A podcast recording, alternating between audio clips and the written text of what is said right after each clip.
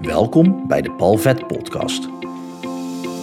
In deze podcast help ik jou met verhalen en inzichten om de blemmeringen in je leven de baas te kunnen zijn, zodat jij je talenten en jouw grootheid kunt omarmen op weg naar een fijn en vrij leven. Heel veel plezier met deze aflevering. Ik stap net in de auto onderweg naar de praktijk voor een cliënt. En ik sprak nog even tussendoor een andere cliënt en uh, daar werd ik heel vrolijk van. Maar dat komt in een andere podcast even aan bod. Want als ik daar nu iets over vertel, dan. Nee, daar heb ik nu ook geen tijd voor. Want ik wil even iets anders met je delen. Dus houd de volgende podcast ook in de gaten. Uh, gaat over familiesystemen. Super, super interessant. En iets heel gaafs waar ik ook echt heel graag mee werk. En wat heel erg helpend is, niet alleen het familiesysteem, maar sowieso ja, je relatie met je problemen. Dat kan dus ook je familie, maar ook je werkomgeving zijn. Maar dat voor de volgende podcast. Waar ik het met je over wil hebben, is de vijfde dimensie. En we zijn allemaal multidimensionale wezens. Jij ook, als je dit luistert, dan ben je dat. En dat is niet zo heel raar, want we zijn sowieso al driedimensionaal. We kunnen 1D en 2D gewoon waarnemen. En 3D ook. Dus ja, dat zijn er al drie. Daarnaast nemen wij de vierde dimensie waar zonder hem waar te nemen. Namelijk tijd. Tijd is de vierde dimensie. En waar de wetenschap het eigenlijk wel over eens is, is dat er in ieder geval negen dimensies zijn wat betreft plaats. En dan heb je eentje wat betreft tijd. En ja, de wetenschap houdt natuurlijk altijd vast aan de wetenschap. Dus die zeggen niet automatisch dat er meer dimensies zijn. Vanuit spiritualiteit kun je daarvan uitgaan. Sowieso wanneer er één dimensie anders is dan plaats, oftewel tijd, zou je er automatisch al vanuit kunnen gaan dat dat geen uitzondering hoeft te zijn en dat er dus meerdere dimensies zijn. Wat interessant is om te weten, is dat de wetenschap het er wel over eens is dat er iets is, minimaal één ding, wat tussen dimensies kan verplaatsen. En daarbij iets is wat wij waar kunnen nemen. Waarbij ik het wetenschappelijke bewijs alleen maar heb gezien van zwaartekracht. Dus zwaartekracht kan door meerdere dimensies reizen. En zou dus ook een manier zijn om een andere dimensie waar te kunnen nemen door middel van zwaartekracht. Uh, ik ben daar nu onderzoek naar aan het doen, dus dat, um, ik weet er nog niet heel veel van. Maar wel genoeg om dit in ieder geval te kunnen zeggen en te zeggen dat dat op wetenschap berust.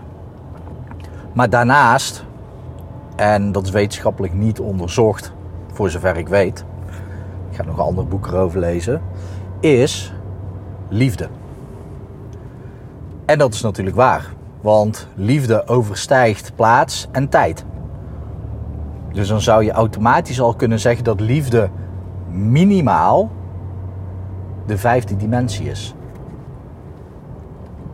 Daarnaast, als je kijkt naar liefde en dat de wetenschap zegt dat, dat er minimaal negen dimensies zijn wat betreft plaats, weet je zeker dat liefde zelfs in totaal negen dimensies kan overstijgen qua plaats en dan natuurlijk ook tijd. Want liefde en tijd, dat is niet gekoppeld aan elkaar.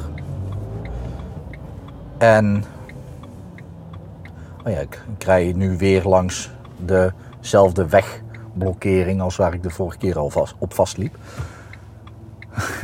uh, hoe ging ik hier ook alweer uit? Ja, op die manier. En liefde overstijgt dus ook tijd. Dus als je kijkt naar liefde is dus minimaal de vijfde. Maar zou in theorie, want dat is dus nog niet meetbaar. Ik weet niet of dat, dat ooit meetbaar wordt. Maar liefde overstijgt sowieso tien dimensies. Wat in theorie zou kunnen betekenen dat liefde een elfde dimensie is. Waarbij elf dus niet qua volgorde is. Kijk, de, de negen dimensies van plaats, daar moet je wel een volgorde aan hangen. En dat is, ja, hoe leg, hoe leg ik dat in een podcast uit? Ehm, zonder deze meneer ondersteboven te rijden. Het is hier nogal chaos. Als je een kubus hebt, een kubus is de zijn drie plaatsdimensies. Als je dan kijkt naar ons universum, dan moet je sowieso niet qua plaats botsen op een andere auto. Het is echt chaos hier. Sorry voor de afleiding. Als je kijkt naar een kubus, binnen in de kubus is het 3D. Plaats je iets buiten de kubus, dan is dat de vierde dimensie. Dan kan je namelijk ook de kubus vanaf de buitenkant waarnemen. En ons universum, nou laat ik zeggen onze melkweg, wordt sowieso als een derde dimensie gezien. En de wetenschap is er eigenlijk wel over uit dat er een vierde plaatsdimensie, dus dan hebben we het niet over tijd, maar een vierde plaatsdimensie buiten ons universum is. Dat noemen zij dan de bulk of hyperspace. Dus dan zijn er al vier dimensies. Dus als je buiten een kubus zit, dan is dat een vierde dimensie. Liefde zou dus buiten alle plaatselijke dimensies vallen. Als je liefde kunt voelen, dan zou je kunnen zeggen dat je in verbinding staat met een hogere dimensie. Als je dan ook nog weet dat de wetenschap het erover eens is dat zwaartekracht dimensie overstijgend is, waarbij zwaartekracht niet als losstaande dimensie wordt gezien, wat mijn inziens wel zou kunnen. Uh, maar goed, dat, uh, dan krijg ik vast ruzie met een aantal wetenschappers. Maar dan zou je dus kunnen beseffen dat wanneer je iets voelt in je lichaam, dan zou dat kunnen ontstaan door zwaartekracht. Want op het moment dat jij een naar gevoel hebt in je maag, dan kan het zwaartekracht zijn die jouw ingewanden in elkaar drukken. En dat is interessant. Daarnaast is het zo, um, die dimensies, nee, uh, wezens, die meer zijn dan de derde dimensie. Dus wij zijn driedimensionale wezens. Een vierde dimensionaal wezen zouden wij niet rechtstreeks kunnen waarnemen. Wij zouden wel daarvan de gevolgen moeten kunnen, kunnen zien. En dat heet in de wetenschap lensing. Nu, bij mijn weten is er nog nooit iets in 4K vastgelegd wat zoiets zou kunnen verklaren. Je ziet soms zelfs van die filmpjes die gefilmd zijn met telefoons uit het jaar 2006 of zo. En ja, dan zou je dus kunnen denken van, hmm, is dat wel echt zo? Maar wat ook gewoon prima kan, is dat een wezen van een andere dimensie er automatisch voor kiest om niet door onze dimensie heen te reizen. Misschien zijn daar wel universele wetten voor. Dan, dan kom je uit bij. Kijk, als je het spiritueel gaat bekijken, dan wordt er heel veel, wordt er heel veel over dit soort wezens gesproken. Ook over zwaartekracht. Want op het moment dat je gaat onderzoeken hoe de piramides zijn gebouwd, dan, dan is er ook wel een theorie daarvoor. Er is ook een theorie die speelt met de zwaartekracht. En als je speelt met de zwaartekracht, kan dat dus betekenen dat wij dat zelf doen, dat wij dat creëren. Of dat wij een manier vinden om wezens van een vierde, vijfde of nog hogere dimensie in te schakelen om ons te helpen met het oplossen van de zwaartekracht. dit, dit gaat echt heel ver. En ik zit net te bedenken dat ik me echt helemaal laat gaan in deze filosofie, terwijl dit helemaal niet hetgene was wat ik jou wilde vertellen. En dat is interessant.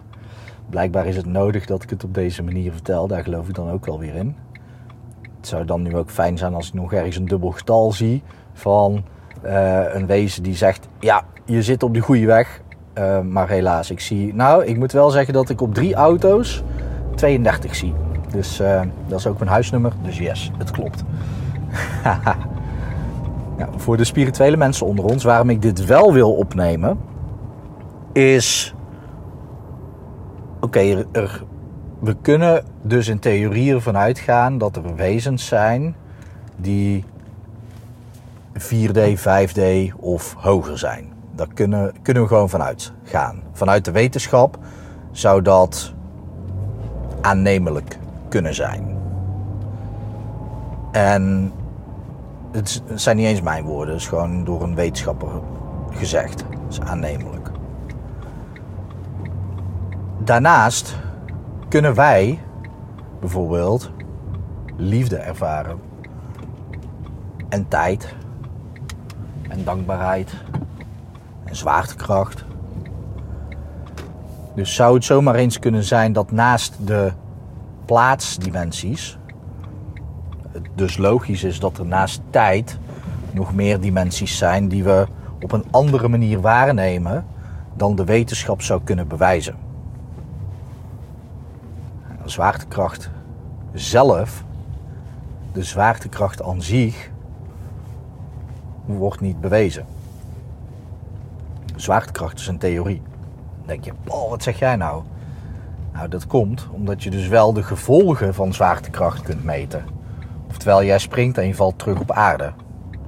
Dat is heel logisch. Maar ook als je omhoog vliegt, dan voel je gewoon dat de aarde jou aantrekt. Kom je dichter bij de maan, heb je daar weer met zwaartekracht te maken. En vlieg je richting um, Mercury, Mercurius, Nederlandse woord. Um, of grotere planeten. Mercurius, nee Saturnus. Saturnus is de, degene met de ring.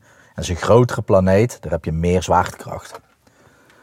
En op het moment als je dus alleen maar weet dat je de gevolgen kunt meten, in plaats van de kracht zelf, dan is dus zwaartekracht aan zich niet wetenschappelijk bewezen. Net zoals dat je dus bijvoorbeeld hogere dimensies zou je die wezens met de apparatuur die we nu hebben, kunnen we niet vastleggen. We kunnen wel eventueel de gevolgen van zo'n wezen vastleggen op camera bijvoorbeeld. Door lensing kan je gewoon opzoeken. Maar waar ik naartoe wil is, de kans is dus heel groot. Echt, echt super groot. Dat er wezens zijn in hogere dimensies die wij dus niet kunnen waarnemen. En de kans is heel groot dat wij op andere manieren dimensies kunnen ervaren dan dat wij waarnemen. Misschien vandaag dat, die hele theorie hiervoor. Als je dat weet, en je hebt dus het idee van hé, hey, maar dan kan ik dus als persoon ook verbinding maken met hogere dimensionale wezens, dus vanaf 5D, dan zou je ook kunnen zeggen, en, en spiritueel gezien noemen we dit dan hogere zelf, of vijfde dimensie, of je spirit animal, of wat dan ook. En op het moment dat je er zo naar gaat kijken, dan gaan wij heel erg ons best doen steeds om contact daarmee te maken. Omdat we weten dat daar waarheden liggen. Ons hogere zelf staat los van de derde dimensie. Dus dan komen we los van ons fysieke lichaam. En dan weten we veel beter wat goed voor ons is dan wanneer we dat vanuit ons fysieke lichaam doen. Waarom? Omdat ons fysieke lichaam er alles aan doet om ons verslaafd te houden aan gisteren. Dus is het zeer waardevol om jezelf te verbinden met een ander deel in jezelf, een ander lichaam. Zo kan je het noemen, een andere dimensie in ieder geval. Oftewel je hogere zelf of hoe je het ook noemen wil. En als je dat weet, dat dat goed voor je is, als dat ook een deel in jezelf is, en er zijn dus anderen die dat ook kunnen, andere wezens, inclusief andere mensen, zou het dan niet zo kunnen zijn dat zij juist willen dat je contact met ze maakt? Dat wij denken dat we steeds ons best moeten doen om contact met hen te maken. Terwijl het misschien andersom is. Dat we juist veel minder ons best moeten doen en dat zij toch al contact met ons maken. En met zij kan dus ook je eigen hogere zelf zijn. Maar kunnen dus ook andere mensen zijn die op dat trillingsniveau trillen. Zo kan je het dan noemen. Daar in een andere aflevering meer over, over trillingsfrequenties. Maar op het moment dat je dus zo kijkt naar ja, de realiteit waarin we leven, waarin dus vanuit de wetenschap duidelijk is dat er minimaal tien en waarschijnlijk meer dimensies zijn, waarvan er spiritueel heel veel voorbeelden zijn van mensen die verbinding maken met hogere dimensies. En dan ook andere dimensies dan alleen plaatsdimensies. Dan zou het dus gewoon zomaar eens kunnen zijn dat al die wezens die dus verbinding maken vanuit andere dimensies, juist met ons communiceren.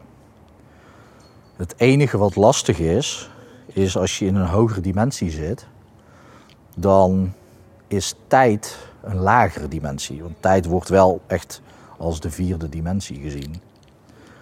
En een appel is bijvoorbeeld een derde dimensie ding. Gewoon een ding. En jij kijkt naar de appel. Maar je weet niet wanneer welk deel van de appel is gevormd. Vooral niet als je de appel ziet. En zo, zo kijken wezens vanuit een andere dimensie naar ons. Die, die kunnen niet zomaar een moment in tijd pakken om iets door te geven. Dus dat is de reden dat wij zelf verbinding moeten maken met de hogere dimensies. Maar als we dan beseffen, vooral beseffen dat er dus daar theoretisch gezien heel veel wezens zouden moeten zitten, hangen, vliegen, zijn, aanwezig zijn. Dan is het dus ook heel logisch dat zij juist verbinding met ons willen maken. En vanuit de spiritualiteit is het dan handig om, als je dat doet, te zeggen dat jij de controle hebt en dat je niks doet tegen jouw wil. Dat schijnen dan universele wetten te zijn. Let dan op het woord universeel, universa. Vanuit het universum of de meerdere universa die er zijn. En als zij dus verbinding met jou zoeken, dan hoef je je alleen maar open te stellen voor die connectie. In plaats van dat jij op zoek gaat naar die connectie. En als je dat omarmt, dat je eigenlijk alleen maar open hoeft te staan voor wat zij je willen vertellen, dan zal je, net zoals bij die perifere blik waar ik het over heb, opeens dingen gaan waarnemen. Zodat jij veel makkelijker op je eigen pad kan wandelen. Want dat is natuurlijk waar het om gaat. En dan kan je die multidimensionale wezens zien als wezens die jou heel erg willen helpen. Dus ik zou zeggen, doe er je voordeel mee en probeer er eens andersom naar te kijken. Alsof zij contact met je zoeken en jij je alleen maar hoeft open te stellen. Nou, heel veel succes mee. Laat me weten hoe dat voor je werkt. En ik ga het in een volgende aflevering nog wel wat vaker hebben over dimensies en de wetenschap erachter. Ik hoop dat het goed met je gaat. Ik ga lekker naar binnen naar een cliënt toe. Heel veel zin in, eerste sessie. Dus uh, dat wordt leuk, want dan ga ik de vraag der vragen stellen. Wat is het probleem waar jij doorheen gaat werken? En dan gaat de cliënt daar doorheen werken. En aan de andere kant, dan is het een ander mens geworden. Ik hoop dat het goed met je gaat. Ik hoop dat het goed gaat met dierbaren van je. En ik wens je nog een hele mooie dag toe.